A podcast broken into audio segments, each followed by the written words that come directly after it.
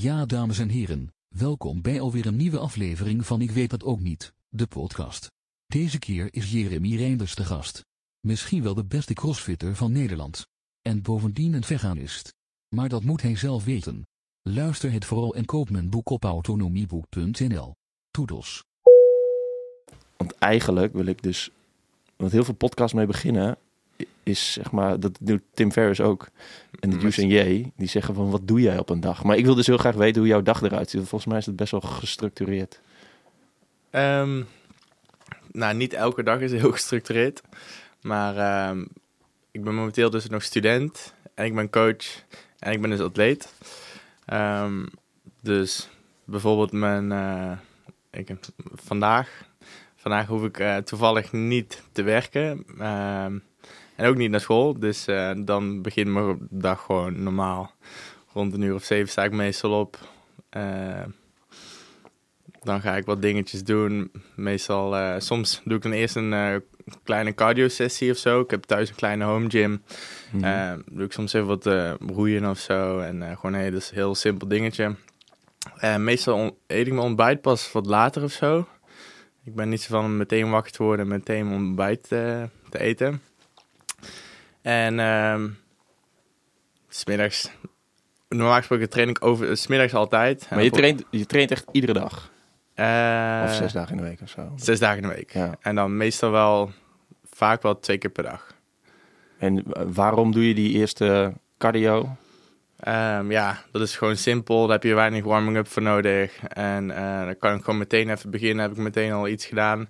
En ehm, als ik echt een, heel technisch ding ga doen, moet ik eerst weer opwarmen. En eh, dat duurt meestal wat langer. Oh ja, oké. En dan, eh, maar oké, maar je bent student, je hebt, eh, je, je hebt wel een home gym. Hoe, hoe ziet jouw home thuissituatie eruit? Ehm, Woon je samen? Of, eh, Ja, nee, ik woon samen met andere ehm, trainers van Von Gym. Wat, die zijn ook eh, atleten zelf. Echt? Is, Ja. het, is het een vondelgymhuis? Ja, het is echt een Von Gym huis. Oh, wie dan? Ja, want we wonen in het oude huis van Arie Boomsma. Eh, Want we zochten een huis en hij ging verhuizen, mochten we zijn huis wonen. Dus we wonen, ik woon daar samen met vier andere, samen met, mijn vriendin, samen met vier andere trainers van Vonde Gym. Oh, en je vriendin is ook trainer daar dan? Ja, die is ook trainer. Gaat zij ook mee naar die ehm, CrossFit Games? Ja, die gaat ook mee. Ah, ja, ik ben er net een beetje nieuw, dus ik weet, ik weet ongeveer. Oké, maar, eh, dus, maar iedereen gaat dan. eh, is het ook de oude home gym van Arie dan? Hoe, hoe, hoe werkt zoiets? En ja, Arie had er volgens mij ook wel een, een, een, eh, wat- dumbbells in liggen of zo. Maar, maar hij zei dat hij het niet superveel gebruikte. Maar we hebben er echt een, eh, we hebben er een roeier, roeiapparaat in staan. We hebben een pull-up stang. We hebben ringen. We hebben een squat rack. We hebben een eh, bench. kettlebells. hoe, hoe vinden de buren dat? Nou, we laten in ieder geval geen gewichten vallen. Dus tot nu toe hebben we nog geen klachten gehad. Nou ja. Dus dat, hou, dat houden we ook zo graag.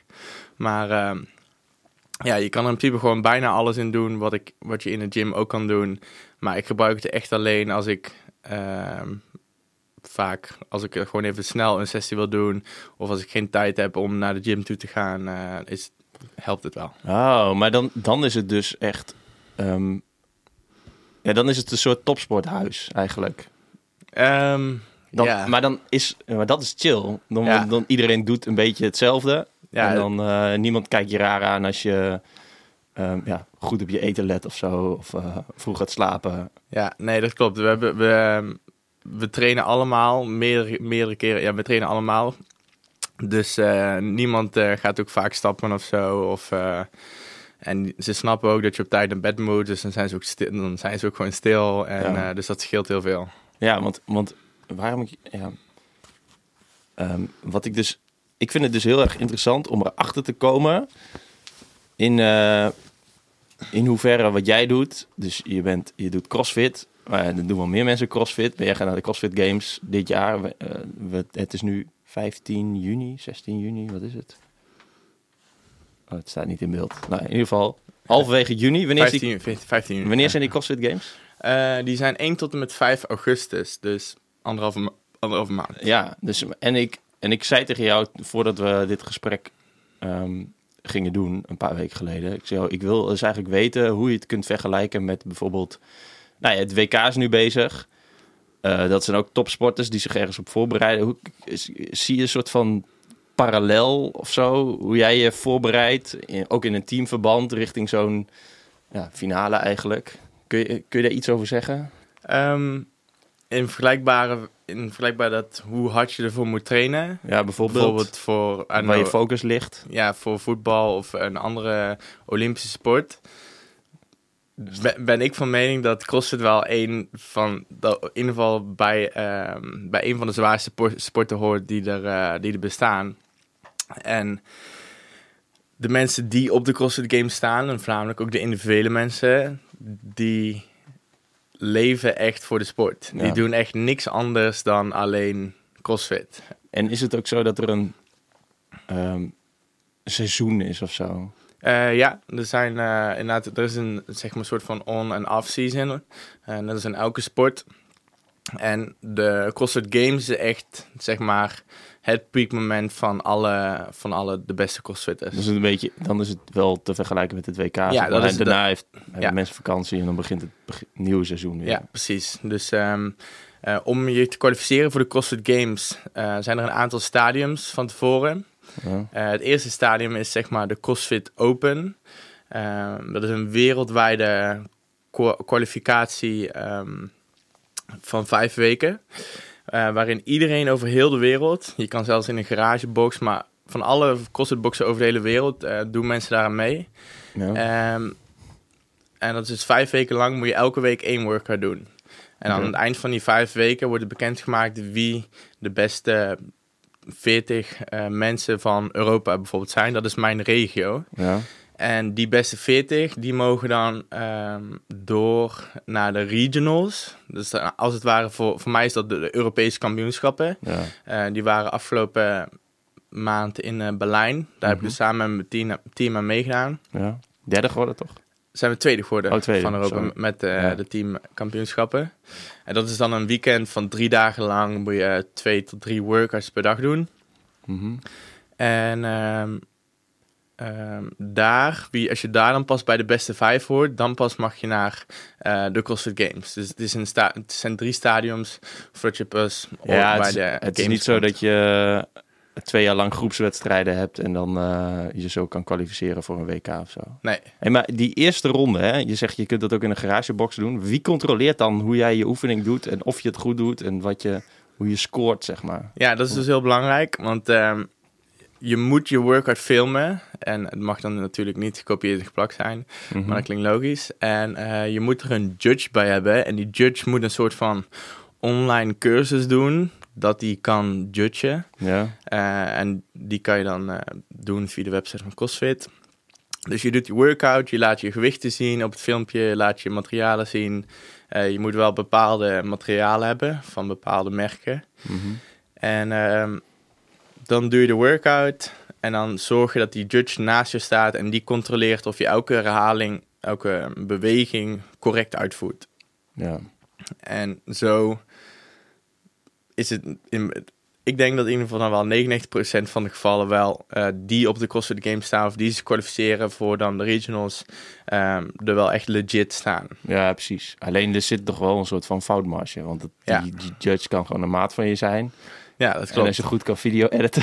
Ja, maar ja, dan val je alsnog door de mand als je Ja. op die regional staat ja in principe. precies. Ja. Maar ja, ik kan me wel voorstellen als de, als de druk hoog is, of ehm, ja, dat zie je in alle topsporten, zeg maar. Dat bij, in wielrennen wordt doping gebruikt, want ja, Ja. die verschillen zijn zo klein en de belangen zijn zo groot.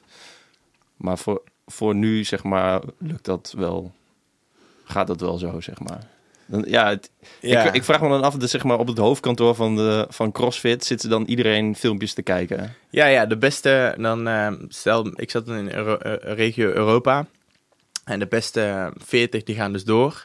En dan volgens mij wordt dan van de beste 60 tot 80 mensen of zo, worden alle filmpjes, er wordt, niet, alle filmpjes, je moet altijd één filmpje opsturen. Mhm. Maar je weet niet welk filmpje je van tevoren, welk van de vijf je moet opsturen. Dus je moet ze alle vijf gewoon correct uitvoeren. Ah, ja. En je moet er dan één van die vijf opsturen. En die worden dan wel allemaal eh, bekeken. Ja. En goedgekeurd of niet.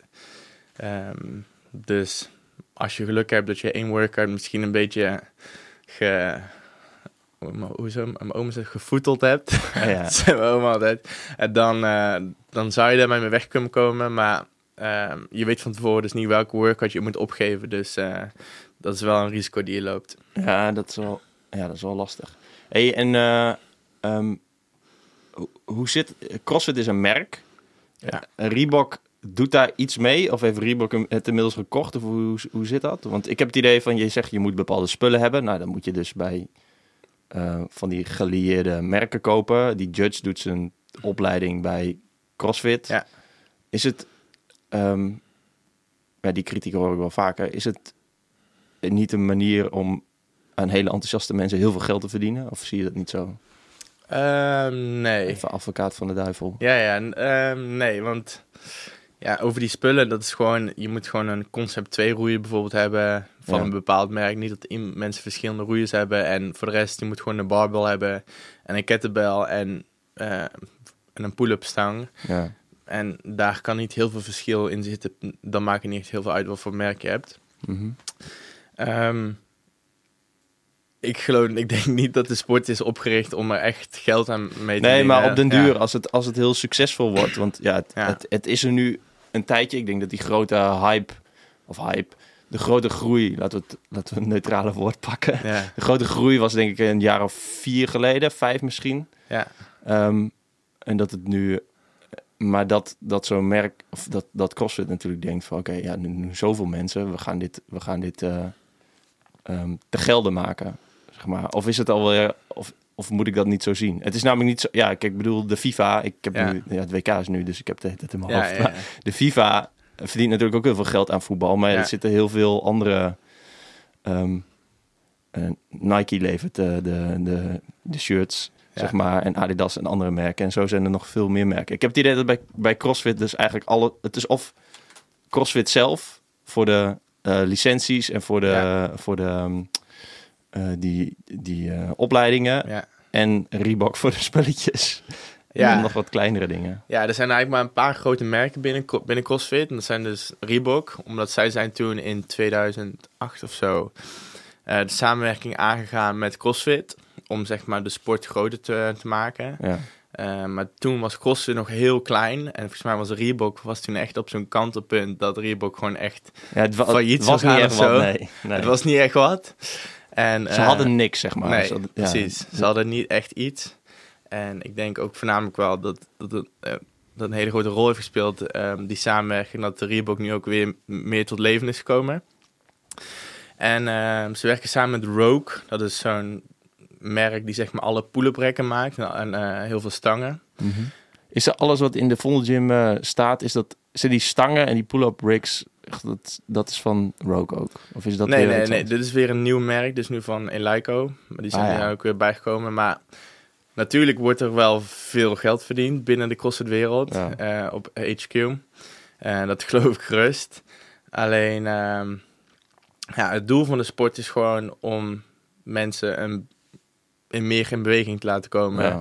En of bepaalde mensen daar dan geld ehm, bij verdienen, dat, ja, dat vind ik dan niet zo heel... heel daar stoor ik me niet Hoe, aan. hoe ben jij, eh, hoe oud ben je nu? Ik ben 23. Eh, hoe ben jij, hoe rol jij hierin? Want ik, ik, ja, met andere sporten, kijk, ik bijvoorbeeld, vroeger ging ik op judo toen ik vier was. Ja. Het is niet zo, ja, inmiddels wel, denk ik, dat ik kindercrossfit is en dat je, Mhm. ja, dat een trainer erachter komt van, nou, die, deze heeft echt wel talent voor, deze gaat wel goed en deze heeft heel veel eh eh, et- werkethos, die gaat hard zijn best doen en op een gegeven moment komt het bovendrijven. Ja. Want, op, want ja, toen het begon, ja, het is al best wel lang natuurlijk. Ja. Het is nog niet zo heel lang heel populair in Nederland. Klopt. Dus ik kan me voorstellen dat de generatie die er nu is, ja, jij bent 23 jaar misschien eerder begonnen, die ja, als wat oudere is begonnen met CrossFit. Hoe, hoe Ja. rolde jij erin? Ehm, ik denk dat momenteel nu nog de meeste topsport crossfit eh, atleten voormalige andere topsport, topsporters zijn, zijn. Dus die komen uit andere sporten. Ja. Ehm, ik zelf kom dus ook uit judo. Ik was ook om een vierde op judo gezet. Ja. en ehm, eh, op een gegeven moment deed ik ook topsport judo en ben ik, heb ik de overstap gemaakt naar, eh, naar crossfit.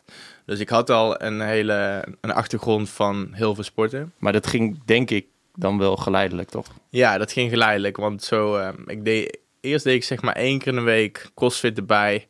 Eh, bij mijn judo. Als Mhm. ter aanvulling van mijn judo. Ja. Zodat ik daar eh, zodat ik beter en fitter zou worden eh, gedurende de judo-wedstrijden. Alleen op een gegeven moment vond ik crossfit zo leuk. En ben ik gewoon gestopt met judo. En alleen nog maar gaan, gaan crossfitten. Nou ja. Maar de meeste mensen die momenteel eh crossfit doen, zijn dus denk echt ook de voormalige... Je ziet ook heel veel judoka's. In Amerika zijn het voornamelijk de, de voetbalplayers.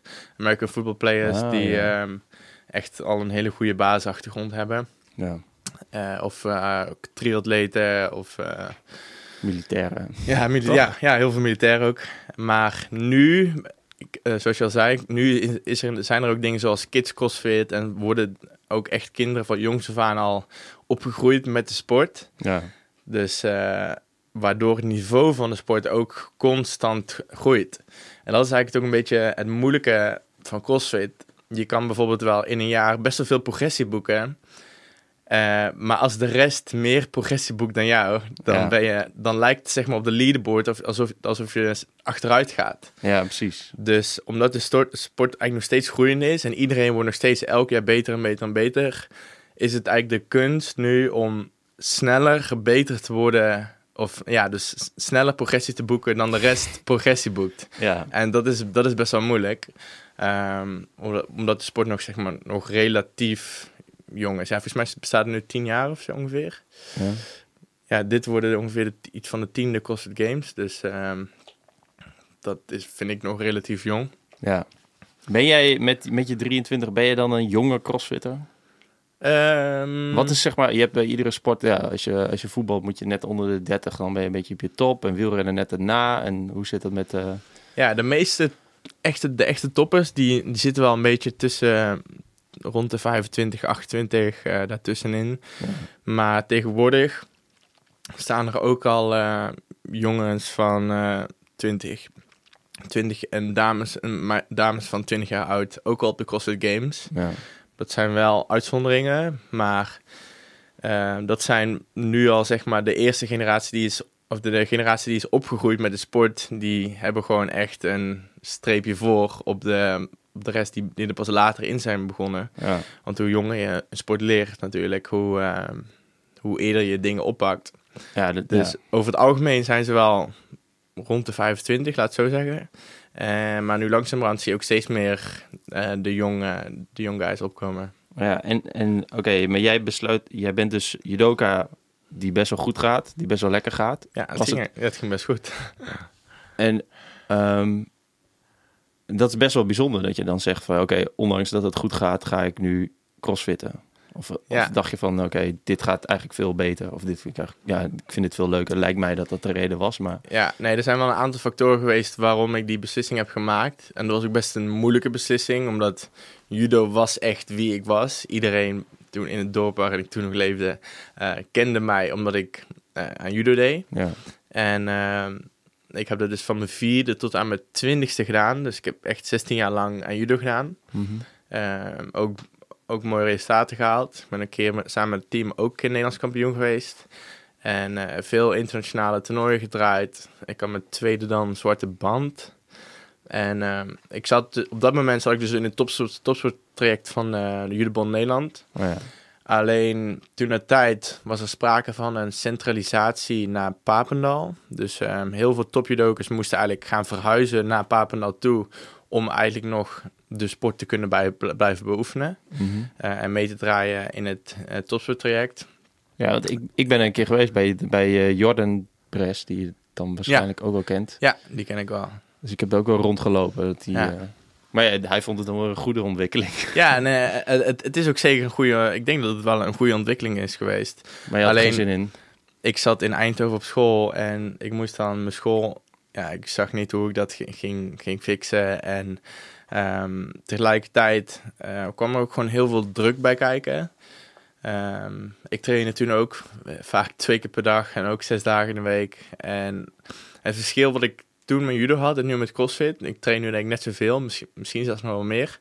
Ehm, is dat ik daar was het meer moeten. Je moest hier en daar zijn. En als je, als je een keer niet kon, je kon eigenlijk alleen maar afzeggen als je een begrafenis had of zo. Ja, precies. Ehm, en nu met CrossFit train ik eigenlijk nog net zoveel. Alleen het is gewoon veel minder moeten en meer omdat ik het wil doen.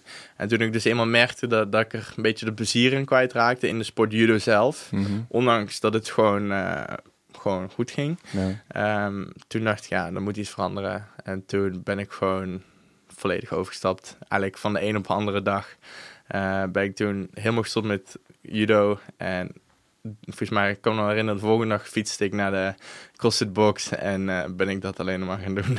Maar dat is wel echt cool, ja.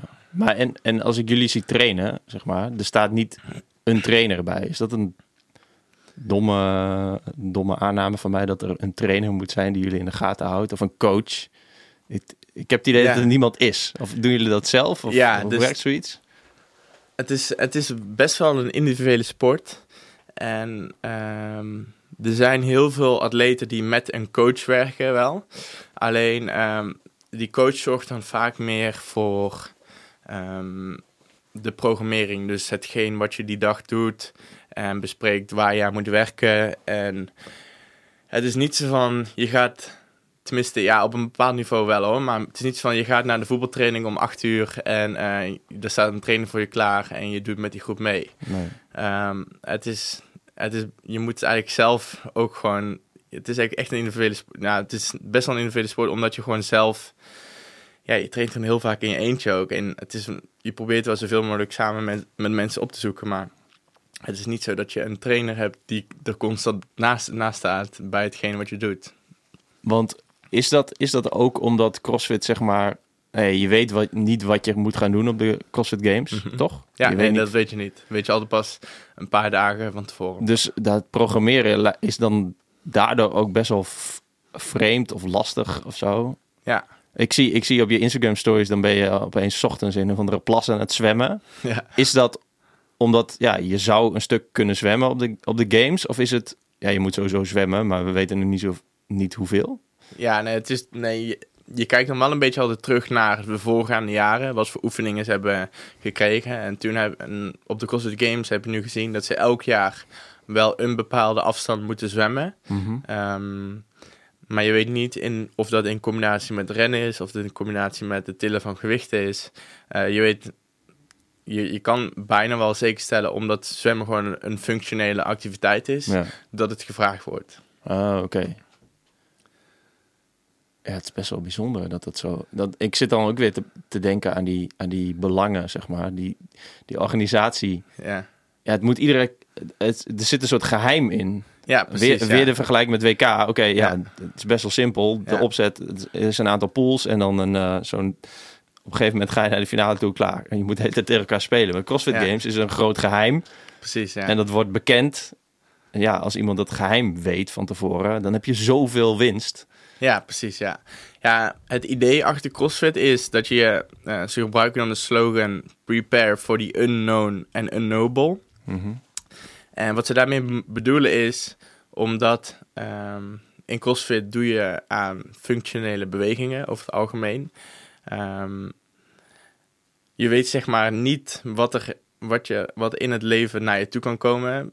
Je, je, misschien moet je wel een keer een stuk zwemmen omdat je in het water bent gevallen of zo. En je Ja. moet iemand redden. Of misschien moet je wel een sprintje trekken naar de bus. Of misschien moet je wel twee zware tassen kunnen dragen en voor zoveel meter. En, eh, of moet je een keer een boom in klimmen of zo. En, ehm, of met kruiwagens lopen, of noem maar ook. Je weet zeg maar niet wat er kan komen in het leven. En daarom moet je eigenlijk op alles voorbereid zijn. Mhm. Dus als je je specialiseert in bijvoorbeeld alleen ehm, een conditiesport, dus zoals het rennen, zwemmen, fietsen, en je moet een keer een hele zware doos of een hele zware eh, boom optillen of zo, weet ik veel wat, want eh, je kat ligt eronder, ik zeg maar wat, dan, Ja. dan ben je daar niet op voorbereid. En met CrossFit is het doel dat je echt op alles wat er in het leven ehm, eh, op je af kan komen, je daarop voorbereid bent. Ja. ja, dat is wel cool, ja. Dus daarom weet je ook niet wat de workouts van tevoren eh, zijn. Omdat je moet op alles voorbereid zijn. En eh, ik deed laatst ook mee met een, eh een CrossFit les van jou. En dan ik weet dan, weet ik, had ik kunnen weten wat we zouden gaan doen die dag? Want het stond natuurlijk op het bord. Maar had ik dat ook kunnen weten? Of is het, ik, heel lang geleden trainde ik bij eh 020. Ja. En volgens mij kon je dan wel van tevoren zien of zo op de website wat je ging doen. Of heel kort Ja. van tevoren of zo. Ja, nou, er, er is wel een verschil tussen trainen en, eh, en competen. Ja, In principe, zelf als ik een programmering heb, dan zit er wel echt een plan achter. Zeg Ja. maar. Dus ik weet wel een week van tevoren, zeg maar, eh, wat ik ga doen. En bij de normale kostenlessen, dat verschilt een beetje per box. Soms eh, delen ze het hele programma voor de hele week al en, Mhm. op maandag. En bij ons, bij Vondel Gym, dan steeds de dag van tevoren kan je online kijken wat de workout precies is. oh ja. Ehm, dus er zit wel echt een degelijk verschil in tussen trainen, want je moet wel bepaal, volgens bepaalde periodisering en volgens bepaalde, ehm, ehm, hoe, zeg je dat? Be- bepaalde stijlen of manieren moet je beter worden natuurlijk. Ja. Net, net als gewoon krachttraining, zit, daar zit er een heel proces achter. ja. Ehm, maar het is altijd wel een beetje guessen. Je weet Ja. zeg maar nooit precies wat je moet gaan doen eh, en wat je te wachten staat.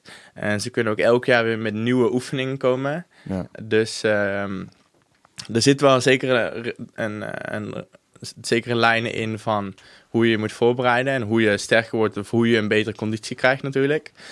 Maar of je dat dan ook daadwerkelijk gaat krijgen, dat is altijd nog maar de vraag. Ja, oké. Zijn, zijn er nieuwe, je zegt nieuwe oefeningen. Is er iets, zeg maar, bijvoorbeeld drie jaar geleden geïntroduceerd, wat nu best wel eh, een groot onderdeel is van veel eh CrossFit lessen of CrossFit eh, wedstrijden? Ehm, ja, op de CrossFit Games komen ze eigenlijk altijd wel met nieuwe oefeningen. Ehm, Maar ben je ergens bang voor eigenlijk? Wat, wat kun je eigenlijk niet? ehm, Of slecht? wat ik zelf, wat ik zelf niet zo goed kan is, eh, ik was echt een, door het judo was ik echt een stijve hark. Ik Mhm. was gewoon echt heel, ik was heel compact en voor judo was het heel goed. Eh, maar ik was niet open, niet flexibel. Er zijn ook bepaalde oefeningen dat je bijvoorbeeld waar gewoon heel veel mobiliteit en flexibiliteit bij komt kijken. En eh, daar werk ik wel elke dag aan.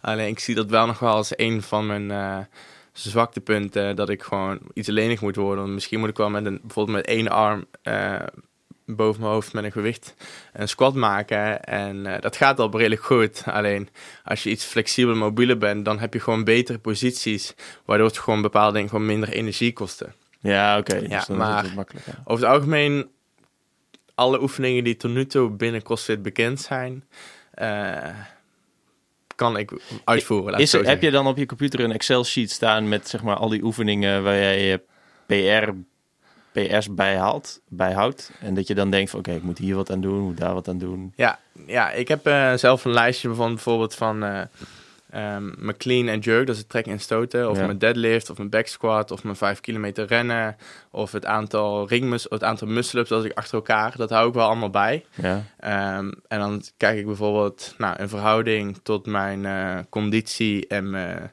eh, gymnastics. Eh, is bijvoorbeeld in, binnen het weightliften, de, dat is het, de snatch, dat is een, een gewicht boven je hoofd trekken, eh, loopt, nog, loopt nog bij mij nog wat achter ten Mhm. opzichte van de rest. Want je wilt eigenlijk alles op één lijn hebben. Mhm. En zowel je conditie als je kracht, als je eh, gymnastiekbewegingen, eh, noemen we het, wil je eigenlijk geleidelijk steeds omhoog brengen. Ja. En eh, je wilt niet dat, dat, je, dat, daar een, ehm, dat er geen goede verhouding in zit. Want als je een hele goede conditie hebt, maar je bent niet sterk, ja. dan val je door de maand. Maar het lijkt me best wel lastig, want ik neem aan dat iedereen heeft natuurlijk wel aanleg of een soort historie door bepaalde eh, sporten vroeger voor iets. Ja. Waardoor je dat dus weer extra leuk vindt. Waardoor je dat dus wel...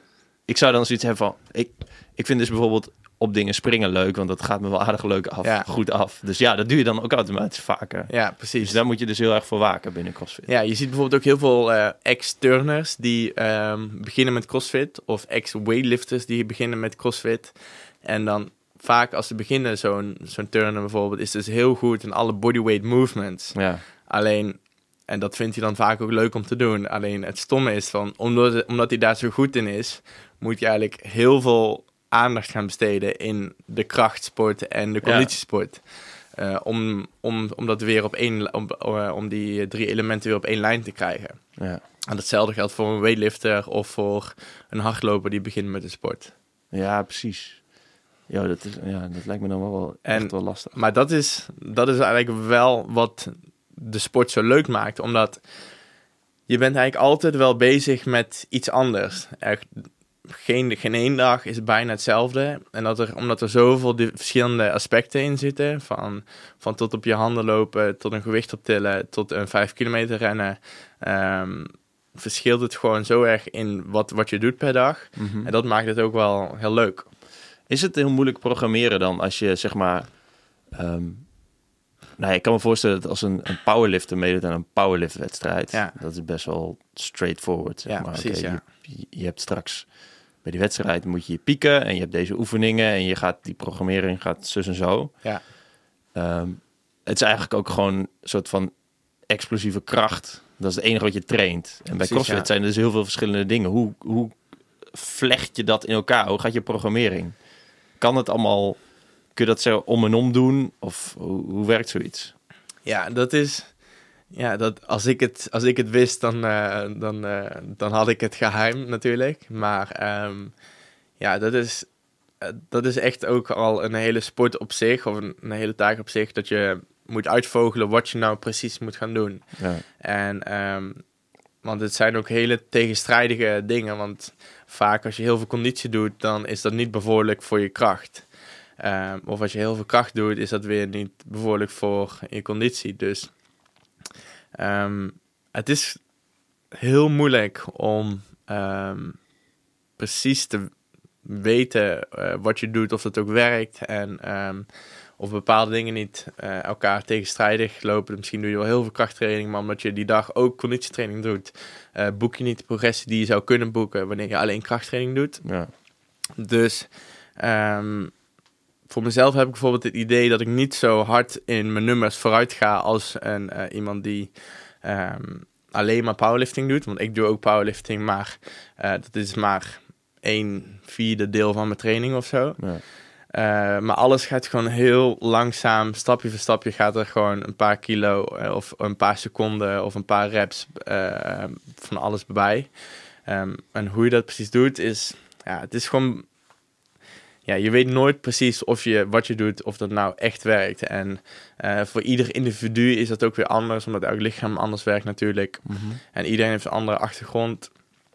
Ehm, dus ja, dat is heel lastig om te zeggen van hoe je er nou precies voor moet trainen. Natuurlijk zijn er wel bepaalde ehm, coaches die en, eh, kijken naar alle oefeningen die tot nu toe zijn geweest. Mhm. En hoe de wedstrijden er tot nu toe uit hebben gezien. Dus daar kan je wel een bepaalde richtlijn eh, in vinden. Maar dat dit dit jaar weer hetzelfde zou zijn, dat, is, dat staat niet vast. Kun je voor de, voor de luisteraars, ik weet niet of je het weet uit je hoofd, om, om een indruk te geven, eh, vertellen wat bijvoorbeeld vorig jaar een onderdeel was?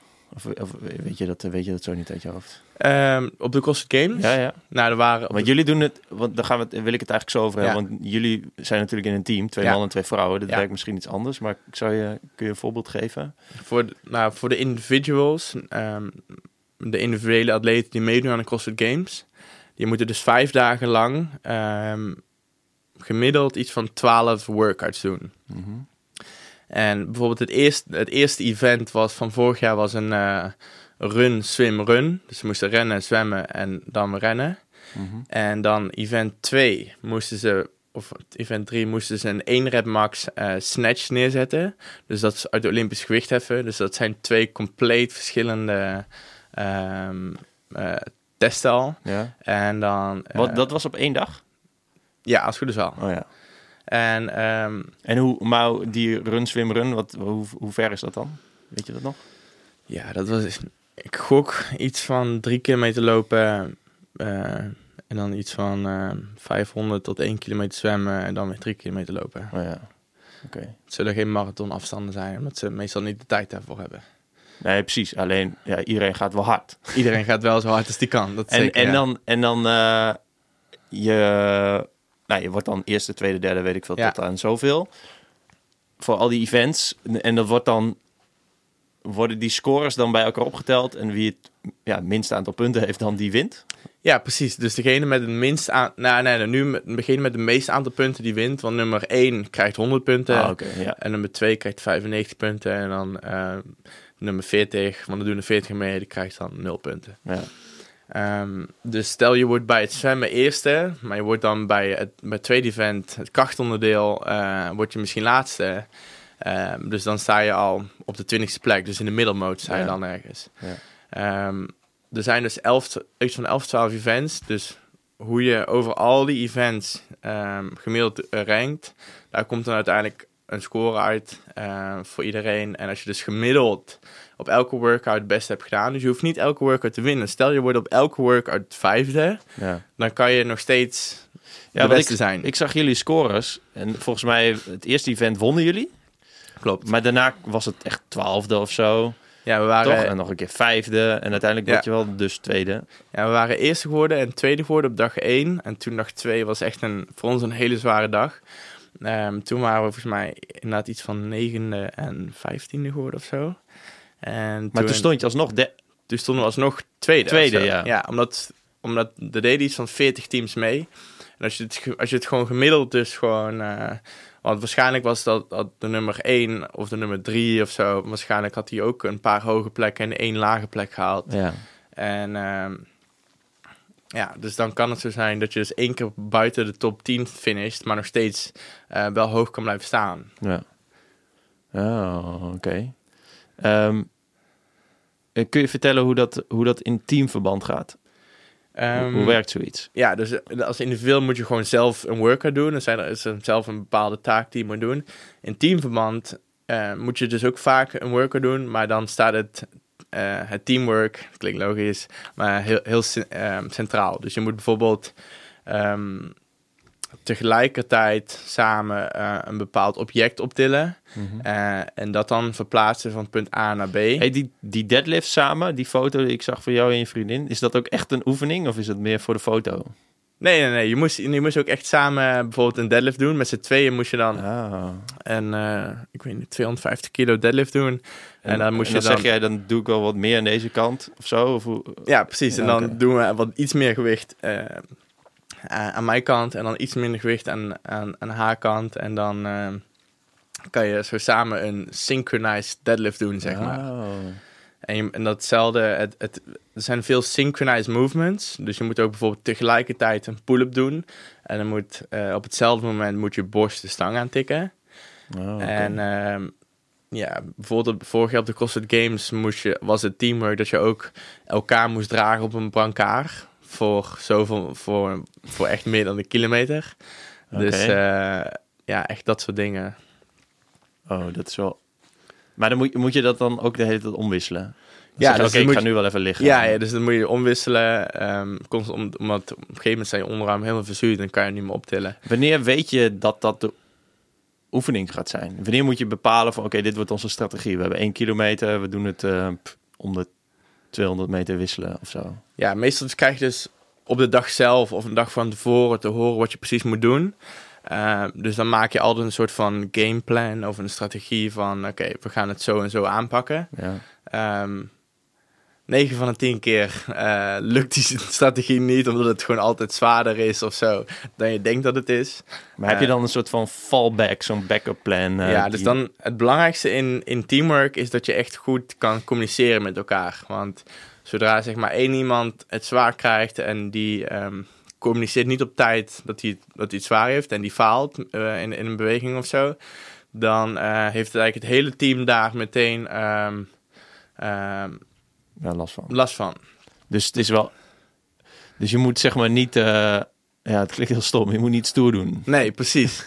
het is heel moeilijk, want je moet soms echt even je ego aan de kant zetten en uh, zeggen van jongens, ik ga stuk. We moeten nu, nu rusten. Ja. En soms is dat heel moeilijk om te zeggen als de rest wel nog door kan. Maar jij bent die enige persoon van de, van de vier die, die moet zeggen van... hé, hey, ik, kan niet, ik kan niet meer. Mm -hmm. Dan is dat soms moeilijk om te zeggen. Ja.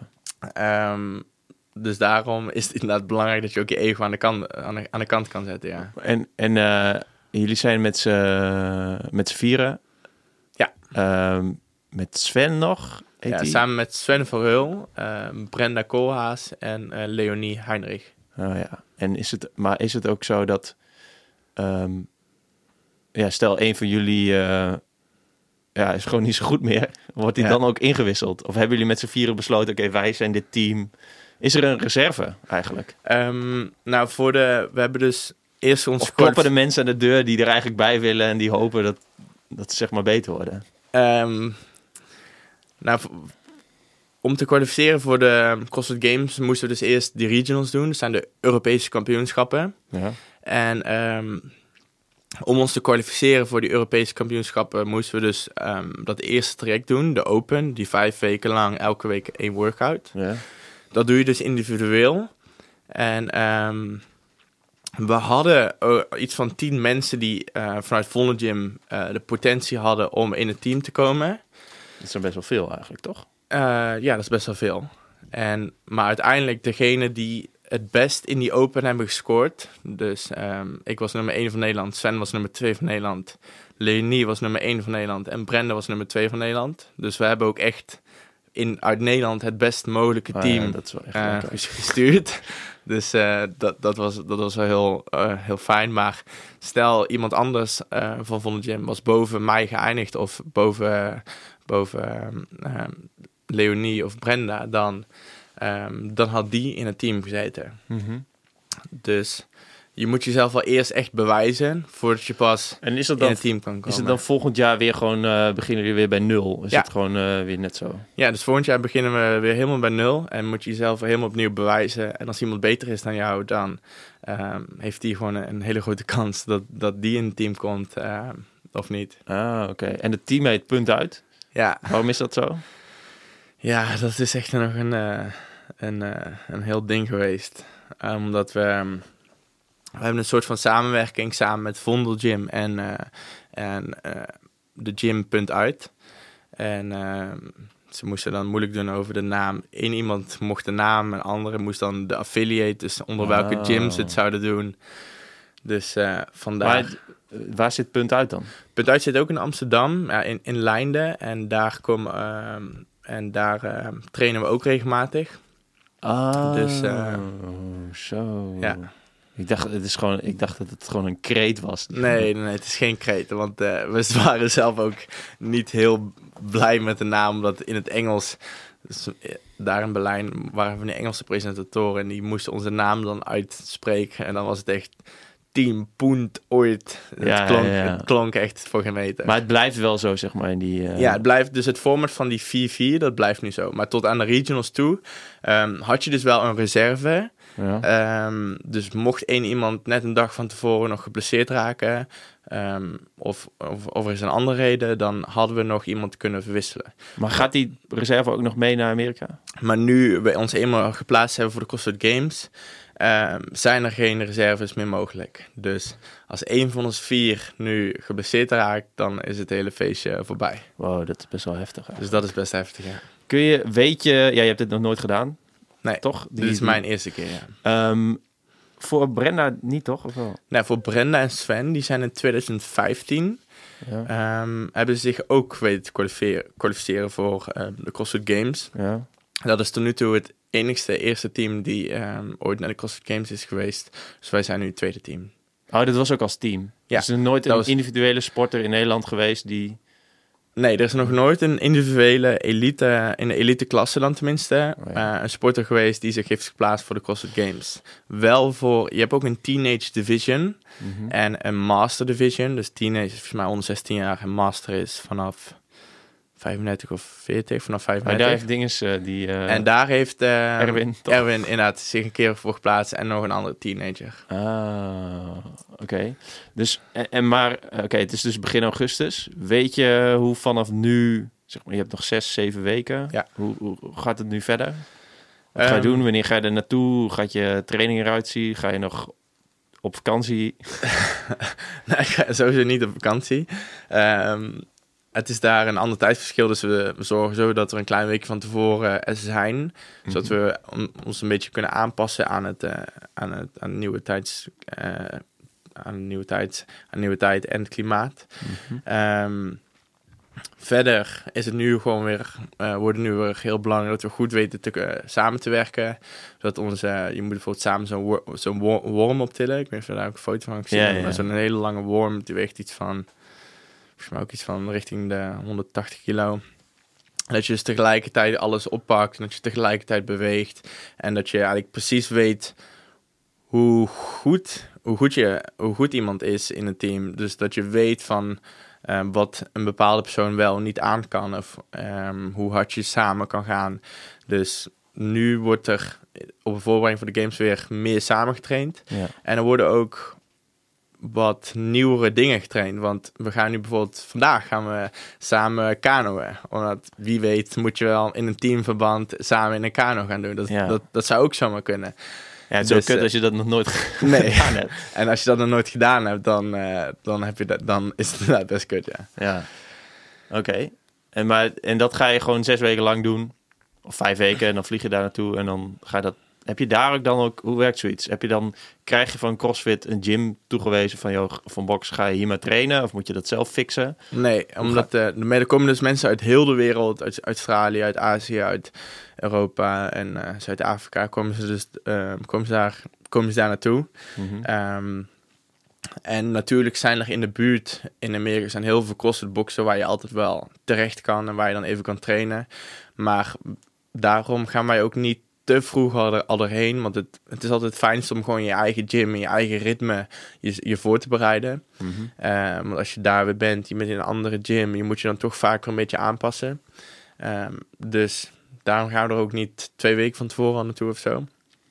Ehm, dus we krijgen niet iets aangewezen of zo. Je moet echt ook zelf je verblijf uh, regelen. Ah, en, uh, maar is er dan, er is daar ook niet een teammanager voor of zo die dat voor jullie fixt? Jawel, we hebben, we hebben ook een coach. We hebben een, ons team heeft een coach, dat is uh, Michael Go. En um, die regelt ook dat soort dingen. En die regelt ook, um, of die die kijkt ook van wat voor dingen we nog moeten oefeningen, oefenen die, die nog zijn, uh, die al eerder zijn geweest of die we nog moeten doen. Oh, Dus we hebben wel een coach nu van ons team die ons uh, begeleidt in bijvoorbeeld de workouts die we moeten, samen moeten uitvoeren. Mhm. En wat voor strategie, strategie we moeten gaan doen. Dus uh, daar hebben we wel een coach voor. Ah, oké. Dat is wel chill. En, en, en, en um, wie van die um, mensen uit je team wonen ook bij jou in huis? Alleen vriendin? Um, nou, mijn vriendin zit dus niet in het team, maar die zat er echt heel close, oh, close bij. Dus uh, dat, is, dat was wel een beetje jammer, maar um, ze zat er echt helaas net, net niet bij. Mm -hmm. um, want ze, was, uh, ze stond één plekje onder Brenda, dus die het wel in het team stond. Oh, ja. dus, uh, maar, dus Brenda stond één plekje boven haar, dus zij. Maar dat was dus één plekje uit de 10.000 of zo.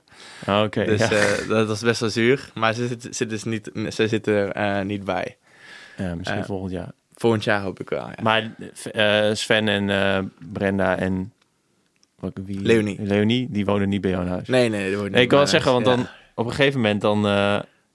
word je niet een beetje geïrriteerd door iedereen op een gegeven moment? Als je heel veel... Ja. je moet wel samenwerken. Ja. je, ga, je bent dus ook heel veel samen. Op een gegeven moment... Ja, ja als, er, als het ja, de stress neemt misschien een beetje toe. Zeker weten. Door, door, ja. door trainen zelf, maar misschien ook omdat je focus daarop moet liggen.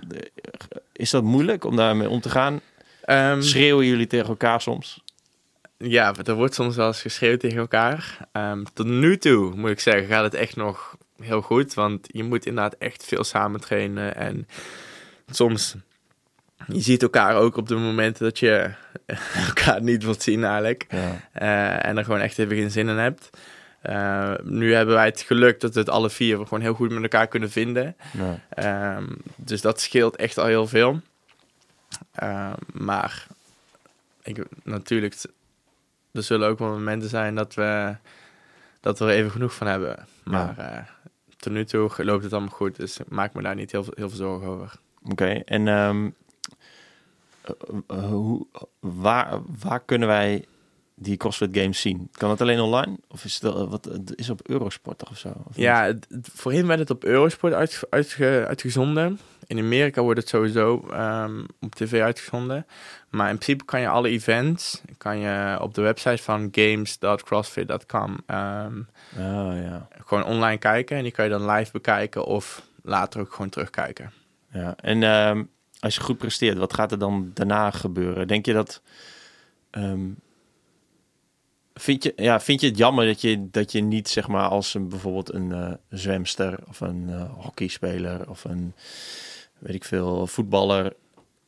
Ja, ik denk dat je niet zo wordt gezien, zeg maar, als topsporter. Is het nog een soort van missie? Behalve dat je heel goed wil presteren daar, is het nog een missie dat je, dat, dat je vindt dat CrossFit een topsport als topsport gezien moet worden? Ja, ik heb dat bijvoorbeeld, ik zit dus ook nog op school. En voorheen had ik dus een topsport status, ehm, omdat ik aan judo Oh deed. ja. ja, dat heb je nu natuurlijk niet. En dat kreeg ik nu dus niet, omdat ik nu aan, aan, aan CrossFit doe. En CrossFit is geen sport eh, wat eh, als een, een sport wordt gezien door NOC en NSF. Mhm. Omdat het geen, nog geen Olympische sport is. Dus ehm, ik train eigenlijk net zoveel als dat ik met mijn judo deed en op, op, een niveau, op, op hetzelfde niveau ook. En ehm, ik kreeg geen extra faciliteiten, omdat bij mij op school zagen ze het niet als een, als een topsport. Dus dat was wel heel lastig. Ehm, nu ik me overigens voor het WK gekwalificeerd heb, wel. Ehm, nu krijg ik er wel faciliteiten voor. Maar is dat dan een soort van dispensatie of zo? Moet Ja, je dan heel gewoon- erg zelf je best voor doen?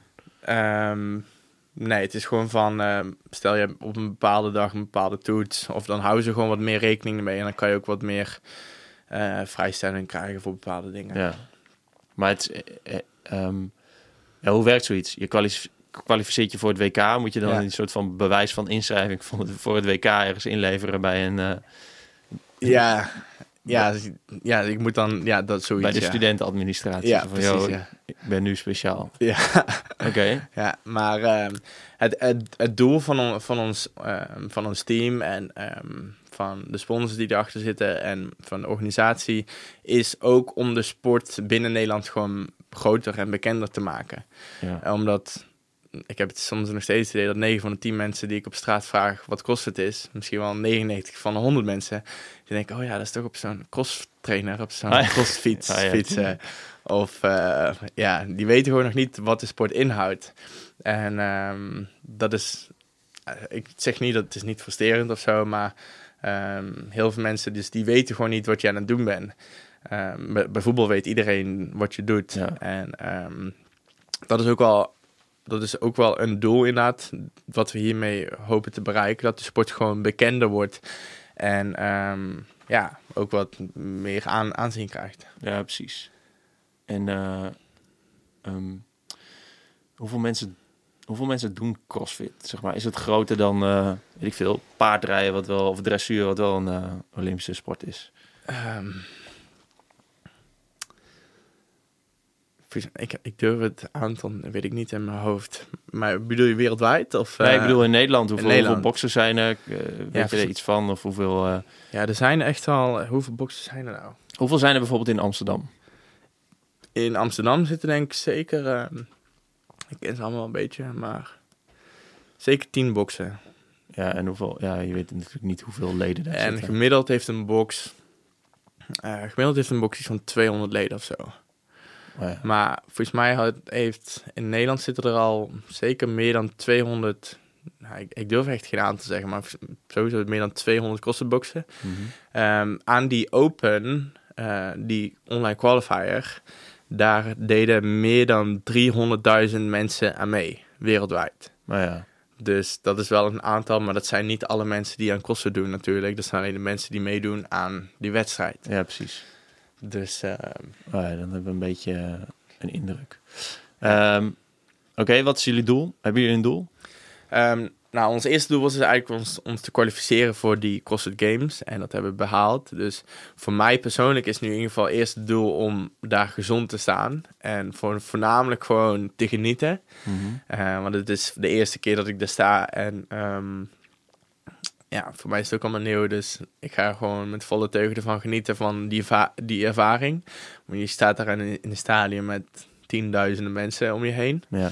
Ehm, maar we hadden eigenlijk gedacht dat we ons misschien konden kwalificeren. Maar nu we eenmaal tweede van Europa zijn geworden, heb ik ook wel zoiets van... Oké, ja, het is niet, het is niet met de hak over de sloot het of is zo. niet dat we daar met de hak over de sloot zijn, zijn gekomen. Dus ehm, we hebben laten zien dat we bij de top horen. Dus ehm, dan wil ik er eigenlijk ook wel voor gaan ook, in Ja. principe. Dus En is, maar is het niveau van in Europa, eh, is het anders dan bijvoorbeeld in eh, Noord-Amerika, waar het natuurlijk begonnen is en wat langer is en ja, ehm, wat meer geld ook eh, bij sponsoren ligt en dus ja, wat betere faciliteiten misschien? Ja, nou, omdat de sport daar natuurlijk gewoon langer al bestaat en de sport daar groter is en er al meer geld in zit, ehm, is het niveau daar ook hoger, wat logisch is. Dus ehm, in Amerika is voornamelijk het ja, lichtniveau dus veel hoger, dus eh, het is nog niet helemaal te vergelijken met Europa, maar ehm, de laatste tijd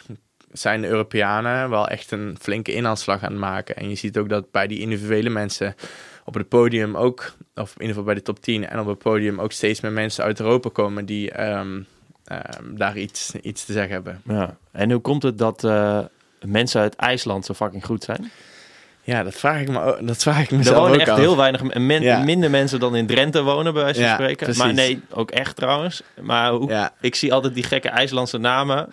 Ja, klopt. Ehm, volgens mij zit het daar echt in de cultuur dat je kunnen gewoon... ook goed voetballen. Ja. Ja, dat, ja, dat je zit daar echt in de cultuur dat je fit moet zijn. Volgens mij, ik hoorde ook iemand zeggen, omdat het daar altijd zo koud is en je moet er ook echt sterk zijn om te overleven, zeg maar. Omdat Ja. het gewoon, eh, het is echt een, ja, in the middle of nowhere, zeg maar. Ja. Dus voor mij, omdat het voornamelijk gewoon heel in de cultuur zit, is iedereen die daar woont gewoon heel fit en sterk. Dus het maakt niet uit wat ze doen, ze zullen er goed in zijn. Dus zij gaan ook wel. wie, was, wie was het eerste? wie werd eerst in Europa eigenlijk? Bij de dames? Nee, ik bedoel eh, qua eh, bij, de, Bij de teams? bij de teams. Een team uit. Ehm, uit een team uit Zweden. oh, oké. Ja, al die Scandinavische landen, daar zijn, eh, daar zijn ze over het algemeen wel, wel fit. En maar heeft, hebben ze daar ook niet meer geld ervoor eigenlijk? Sponsoren? Ehm, Is dat, zie je dat niet zo? dat weet ik niet. Nee, dat weet ik niet. Ben je zelf nog op zoek naar sponsoren? Is het, is het ja, het, is misschien een hele persoonlijke vraag, Ja. maar is het moeilijk om... eh, ik snap dat als je er heel veel plezier in hebt en eh, ehm, wat je net zei, ja, ik, veel, veel, eh, ehm, veel vanuit jezelf komt, zeg maar, intrinsiek gemotiveerd in tegenstelling tot wat judo was. Snap ik dat je het leuk vindt, maar is het moeilijk om ja, dit vol te houden ook ehm, ja, qua tijds, tijdmanagement en qua geld, zeg maar. Ja. Ja. het is natuurlijk wel een investering. Nou, gelukkig heb ik al wel een, al momenteel een aantal sponsors die me supporten. Dus dat, eh, dat scheelt dan een heleboel. Shout-outs doen. Orange Fit. Orange Fit, eh, ik heb mijn eigen chiropractor. ehm, het team wordt gesponsord door, eh door FitAid, door Eleiko, door ehm Reebok. Reebok is ook een, een hele fijne kleding, kledingsponsor.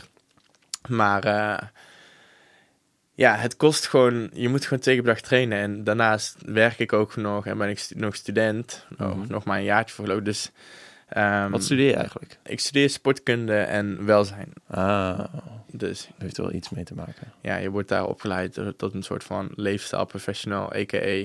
eh, bewegingsdeskundige. Dus dat loopt ook wel een beetje in lijn wat ik doe, dus dat, eh, dat Dat- scheelt wel. Ja, dat is wel fijn, ja. Maar Ja. dit- je zegt, ik werk nog. Je werkt als CrossFit trainer. Ja, ik werk als CrossFit coach bij Vonden Gym. Ja. Oh, het heet coach. Het heet geen trainer. hè? Het heet geen trainer. Nee, het is ja, CrossFit coach is Ja. het gewoon. Maar eh, of ik nog sponsor, nou, ja, natuurlijk alle sponsors zullen welkom zijn, want hoe minder ik kan werken, hoe meer ik kan trainen. en ehm, dat, dat zijn gewoon bepaalde zorgen die je dan, eh, of stress die je dan niet hoeft eh, te doen. Dus waardoor je sneller progressie kan boeken. Ja. Ehm, want je ziet bijvoorbeeld ook, omdat de beste crossfitters, die werken niet daarnaast. Omdat het gewoon een stressfactor is. Of die doen er naast de sport gewoon niet heel veel anders. Dus Nee, het verschil lijkt me zo groot. Als je bijvoorbeeld, ja, ik, ik ben, ik, een aantal jaren geleden deed ik het wat vaker, dus bij 020. En een tijdje heb ik het weer niet gedaan. Of ja, tot nu zeg maar eigenlijk. En, en toen ging ik een beetje opletten en had je die Rich Froning. Ik weet niet eens of Ja. hij nu nog eh, bezig Ja, ja, is. nog steeds. Daar moet ik ook tegen competen straks. En die zit ook in een team. Hij zit ook in het team. Ah, oké. Maar dat, ja, deze gozer, dat is gewoon een heel andere wereld. Die, die wordt er gewoon heel erg rijk van zelfs, toch? Ja, die nu de nummer 1 is, Matthew Fraser.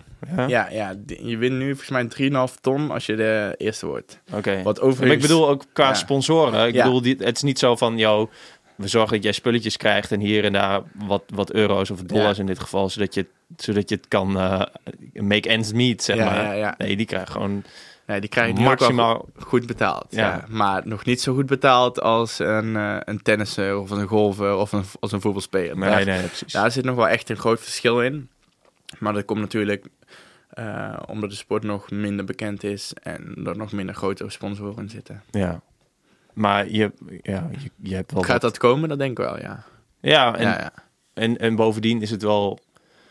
ehm, ik denk dat er twee voorbeelden, vo- eh, voordelen zijn. Is dat het inderdaad nog gaat groeien. Dus jouw bereik ook, zeg maar. Want je, ja, je, je, je bent wel zichtbaar. Sowieso binnen CrossFit, maar ook bijvoorbeeld online. En je post wel heel veel. En ehm, het, is, ja, het klinkt heel stom. Het is natuurlijk heel cool. Het is niet. Het is niet eh, heel veel merken hebben er wat aan om zich eh, te verbinden aan CrossFit. ja Omdat het dat wel echt. zeker, ja. Het is niet suffig of zo. Nee, nee, nee. Ik vind het zelf ook zit- een hele zit- coole sport, ja. Er zitten niet echt wat eh, negatieve, ehm, ja, niet echt negatieve dingen aan. nee. Waar ik trouwens nog wel op terug wil komen. Je zegt je hebt een chiropractor. Ja. Gaat dus iedere week doe je een soort check. Ja, niet iedere week, maar nou, wel de afgelopen tijd wel, bijna iedere week. Maar dat is gewoon, eh, als je gewoon heel vaak zware gewichten boven je hoofd tilt, of gewoon in het algemeen zware gewichten tilt, dan kan het gewoon wel eens zo zijn dat bijvoorbeeld een bepaalde wervel even een beetje verkeerd schiet, of dat er bepaalde dingen niet lekker eh, lopen. Dus dan is het, vind ik het zelf heel fijn als iemand gewoon even meekijkt naar mijn wervelkolom oh, en gewoon naar mijn lichaam. Ja. Of alles nog eh, op de juiste plek zit, zeg maar, Maar- laat het zo zeggen. Heel veel, je hebt die kritiek van mensen die kritiek hebben op CrossFit. Die zeggen dan, ja oké, het is heel erg blessuregevoelig. Mhm. Maar ja, dat is toch pas eigenlijk zo als je ja, te veel hooi op je vork neemt. Ja, eh, precies. Ehm, zelf dacht ik ook dat CrossFit echt een hele blessuregevoelige, blessuregevoelige sport was. Ehm, nu, ik heb, er zelf, ik heb mezelf ook een beetje in verdiept. En ehm, zover ik weet is het de sport niet meer blessuregevoelig dan voetbal. Of dan Mhm. hockey of dan elke andere sport.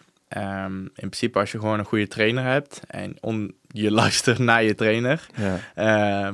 Dan, dan kan er niet heel veel fout gaan. Ja. ja, en je luistert ook naar je lichaam. Volgens mij is Ja. dat ook nog wel echt belangrijk. dat is ook echt iets wat je... ehm, Daar komt dat ego-dingetje weer. ja, daar komt het ego-dingetje bij. Want dus je wilt, tenminste ik wilde altijd meteen al die zware gewichten gaan tillen. En, eh, maar je moet echt heel vaak je ego aan de kant weten te zetten om gewoon met een lege stang te beginnen. En daar gewoon echt goed mee op te warmen. En gewoon echt de juiste technieken eh, te behouden. Want, en als je dan eenmaal de juiste technieken gewoon daar constant op let, dan komen die gewichten uiteindelijk vanzelf wel. Maar heel vaak zie je dat mensen al te snel te veel gewicht willen pakken met een verkeerde techniek. Mhm. En dat is waar het fou- fout gaat. Maar dat is dus meestal een ego-dingetje. En dat ligt dan vaak niet eh, omdat dit de sport is. Nee, ja, precies. Dan ligt, het, ja, dan ligt het niet per se in de sport. Dan had Nee. waarschijnlijk die persoon ook een blessure gekregen bij een andere sport. Ja. Oké, wil je nog praten over moestuinen trouwens?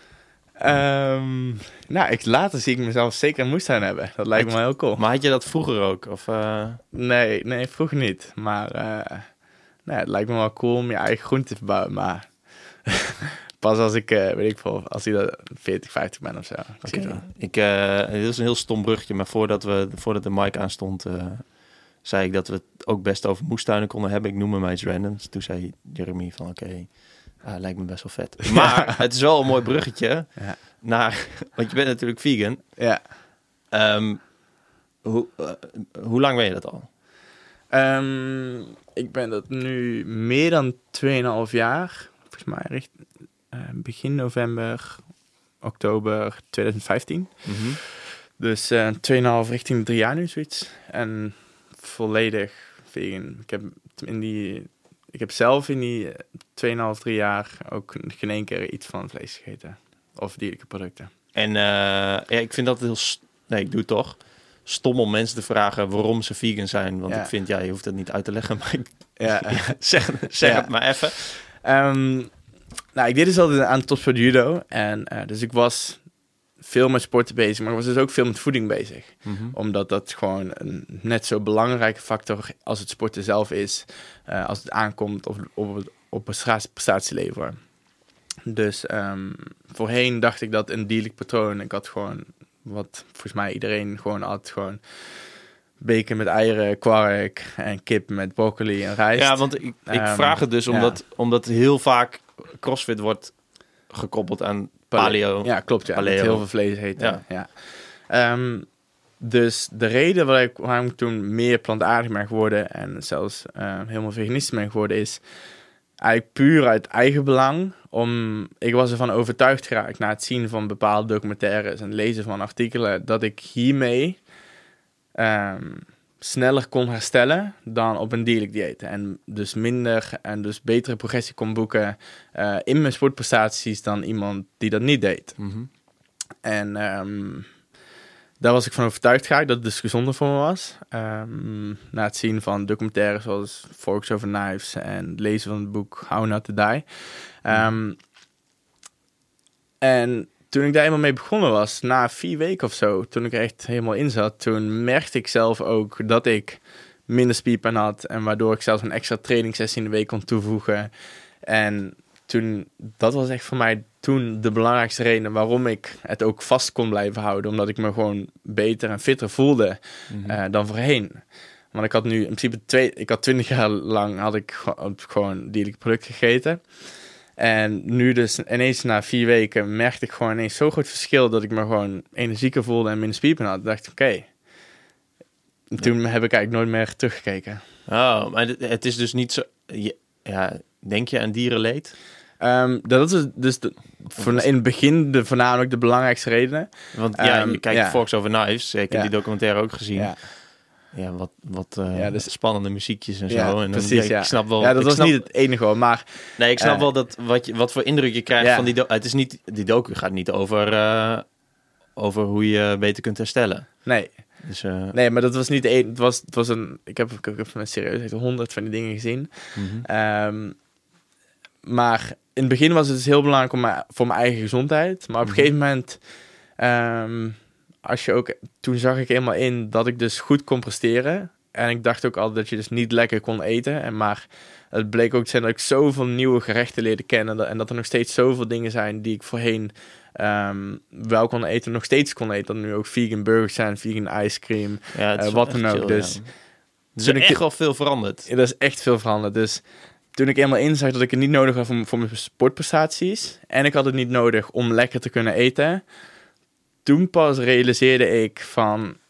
Toen zag ik die filmpjes, zeg maar, van die slachthuizen, je weet wel, Mhm. eh, nog een keer. En toen zat dat gewoon niet lekker bij mij. Ja. Toen, ehm, ja, toen ik eenmaal dat, dat besef had, toen wilde ik daar ook niet meer aan bijdragen. En toen, ehm, ja, toen vroeg ik mezelf letterlijk de vraag af of ik zelf zo'n zo'n koe of een varken zelf zou kunnen slachten. En alleen omdat ik het lekker vond, terwijl Mhm. ik ook nog iets anders kon eten wat misschien net zo lekker smaakte. En ja, toen dacht ik niet dat ik dat zelf zo'n dier in de ogen kon kijken en gewoon zelf zou kunnen slachten. Dus dan vond ik ook niet dat ik het recht had om iemand ervoor te betalen. Nee, oké. En Heb je... toen was het eenmaal ook, ja, toen was het ook naast het, dat ik het belangrijk vond voor het sporten ook het eh, dierenleed, zeg maar, ook eh, belangrijk begon, begon Dus te vonden. Dus eigenlijk is het best wel makkelijk voor je om te doen. Aangezien je zegt, ja, ik leer veel leer nieuwe gerechten koken. Ja. Er is veel ehm, aanbod. Mhm. En ja, ik kan er me niet over, over mijn hart verkrijgen om te doen. Dus eigenlijk is het Ja. best wel simpel. Toch? Ja, voor, mij is het nu gewoon. Ja, in het begin is het natuurlijk. In het begin is het sowieso moeilijk, want je gaat een hele nieuwe Lijkt, het lijkt patronen. En automatisme lijkt me. Kijk, ik ging laatst eh, ging ik een week vegetarisch eten. En eh, ik kwam dus achter hetzelfde. Dat je gewoon. Dan ga je opeens gere- gerechten maken. En ik denk, oh ja, dit is eigenlijk best wel chill. Eigenlijk. Ja. Je leert weer nieuwe dingen. Alleen wat ik dus had, is dat je automatisch. Ik weet niet, ik weet niet waar dat was. Volgens mij zat iemand iets te eten of zo. En nam ik daar even een hapje van. En dat was dan vlees. Omdat je gewoon Ja. helemaal niet die mindset hebt. ja. Hoe dat, ja, dus dat vond ik wel, vond ik wel bijzonder. ja, en het is in het begin. In het begin is het best wel moeilijk, want het is gewoon allemaal nieuw voor je. Dus dat is voor mij, ik denk voor veel van mensen is het moeilijk. Ehm, daarom heb ik het zelf ook echt stapje voor stapje één ding per week of zo vervangen. Dus voor mij eerst alleen rood vlees en toen alleen kip. En een week daarna alleen zuivel en de laatste week pas eieren. Dat die overgang wel wat geleidelijker ging. Maar nu- als je er eenmaal in zit, nu voor mij is het gewoon automatisme geworden om, eh, ja, om in wat ik doe. Ik heb er geen last meer van of zo. Nee, nee, klopt. En ga je vaak uit eten?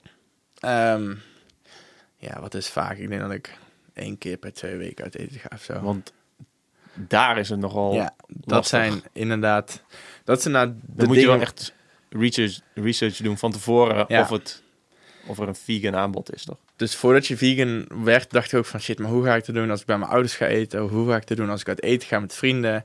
Ehm, en wat voor mij heeft geholpen om in ieder geval eerst te focussen op alle momenten dat ik het wel kon doen. Zoals Ja, bij mijn ontbijt. En dat is nog steeds gewoon van de, in binnen een maand van, al, van, je, van je 60, van je 90 gerechten zijn dat waarschijnlijk nog steeds eh 88 gerechten waar je wel invloed op hebt. Ja. Dus probeer je in ieder geval daar eerst op te focussen. Ehm, nu is het zo, ik woon in Amsterdam, daar zijn al honderden, honderden veganistische tentjes. Dus, en tegenwoordig ehm, is op elke kaart, naar elk restaurant, is er wel een, een één optie of zo. En dan heb je altijd nog, tenminste ik heb het gemerkt dat de klant nog steeds koning is. Ja. Dus mocht je wensen hebben, dan eh, maakt de chef gewoon altijd wel iets klaar voor je. Ehm, dus ik heb daar geen slechte ervaringen mee tot nu toe. Ja, één keer kreeg ik echt serieus. Ik kreeg serieus een bord met tomaat en komkommer en sla. en dat was dan mijn avond. Toen dacht ik echt van, wauw.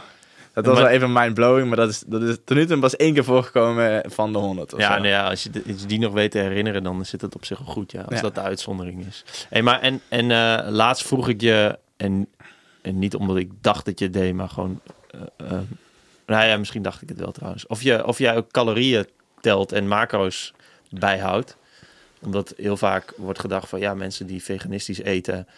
Ja, die missen toch wel heel wat eiwitten. En eh, hoe gaan ze dat dan aanvullen en zo. Ja. En toen zei hij van, ja, dat doe ik eigenlijk niet. Nee, dat klopt. Je zorgt gewoon dat je... Ehm, dat, dat wil niet zeggen dat ik het geen goede tool vind. Ik, vind het, ik denk dat, het, dat je er heel wat van kan leren. Dat je inziet wat, hoeveel calorieën en wat je macro's zijn binnenkrijgt op een dag. Ehm, maar ik denk zelf dat het belangrijk is dat je meer focust op wat je eet en wat voor voedingsmiddelen je binnenkrijgt. In plaats van dat je alleen focust op de eiwitten, koolhydraten en eh, vetten. Maar dat je meer focust op van wat voor soort groente je binnenkrijgt, wat voor soort granen, wat voor soort pulvruchten. Krijg je genoeg variatie binnen. Mhm. Want je kan in principe elke dag aan je eiwitten en vetten en koolhydraten komen door niet gevarieerd te eten, Ja, zeg maar. Gewoon troep te en, eten, ja. ja. door gewoon troep te eten. Ja. Ehm, Alleen het werkt pas ehm, wat jij doet als je, nou ja, als je tenminste wat verstand van voeding hebt, denk ik.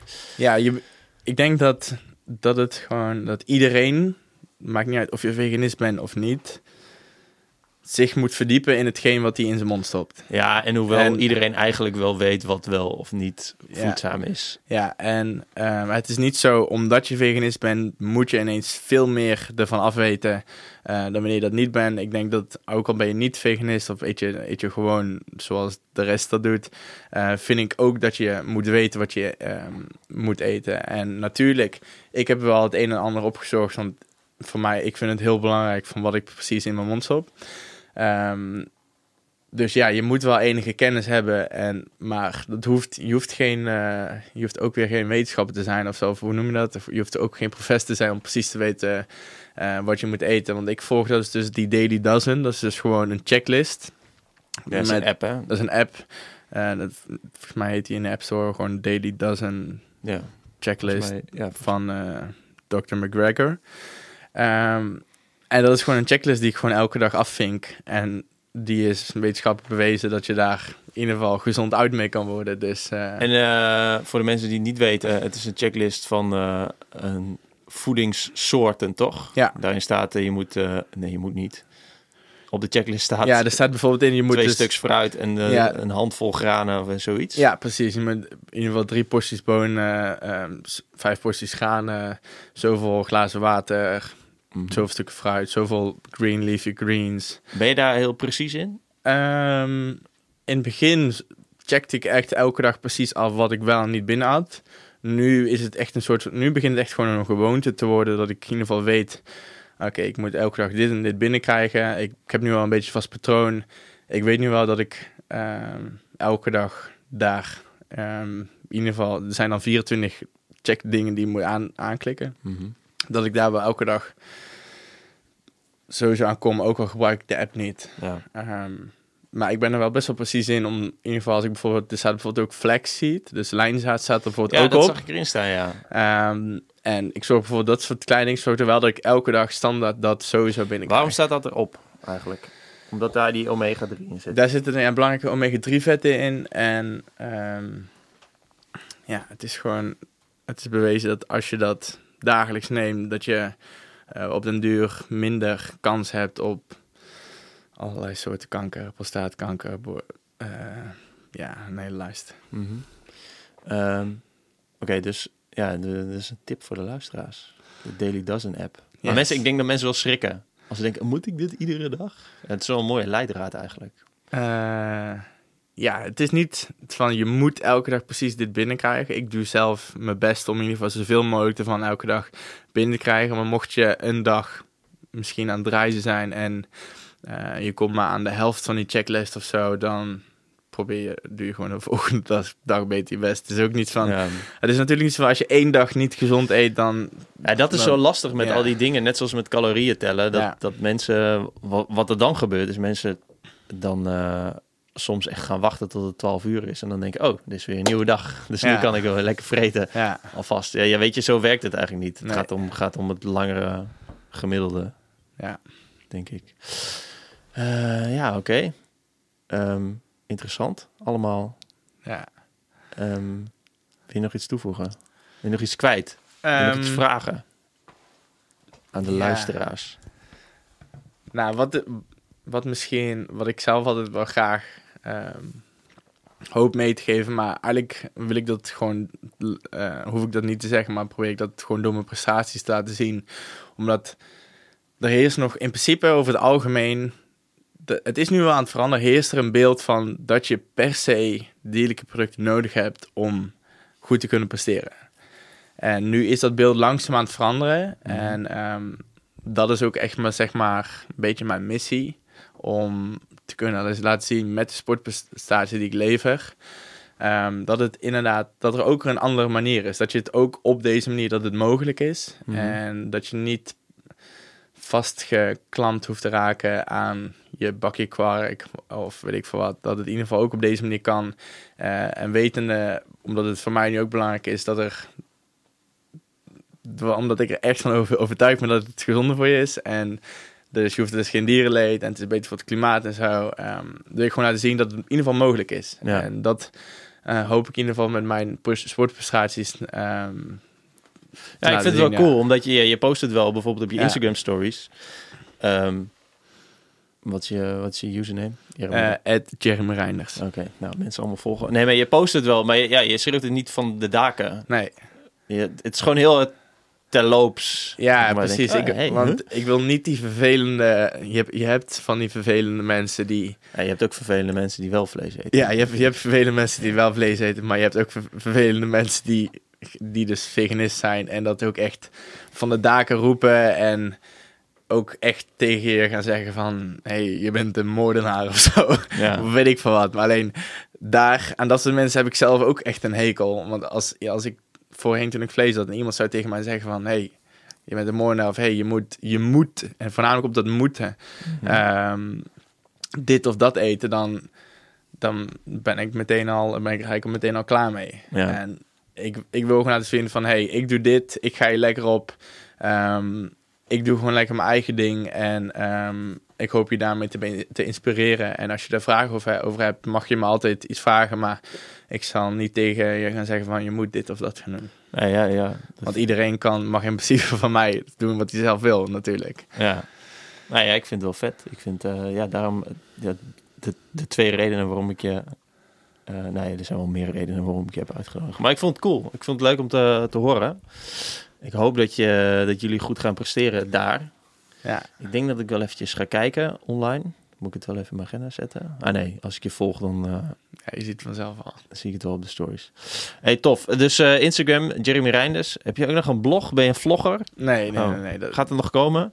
eh, voorlopig. Want- Ja, misschien, misschien dat ik ooit al begin met YouTube-video's of zo, of zoiets. Ja. Maar eh, momenteel is het voorlopig de focus nog op trainen. Oké, nou we gaan het allemaal zien. Eh, mensen, bedankt voor het luisteren. Jeremy, bedankt voor eh, je komst. Ja, jij bedankt dat ik hier mocht zijn. Yes. Oké, doei.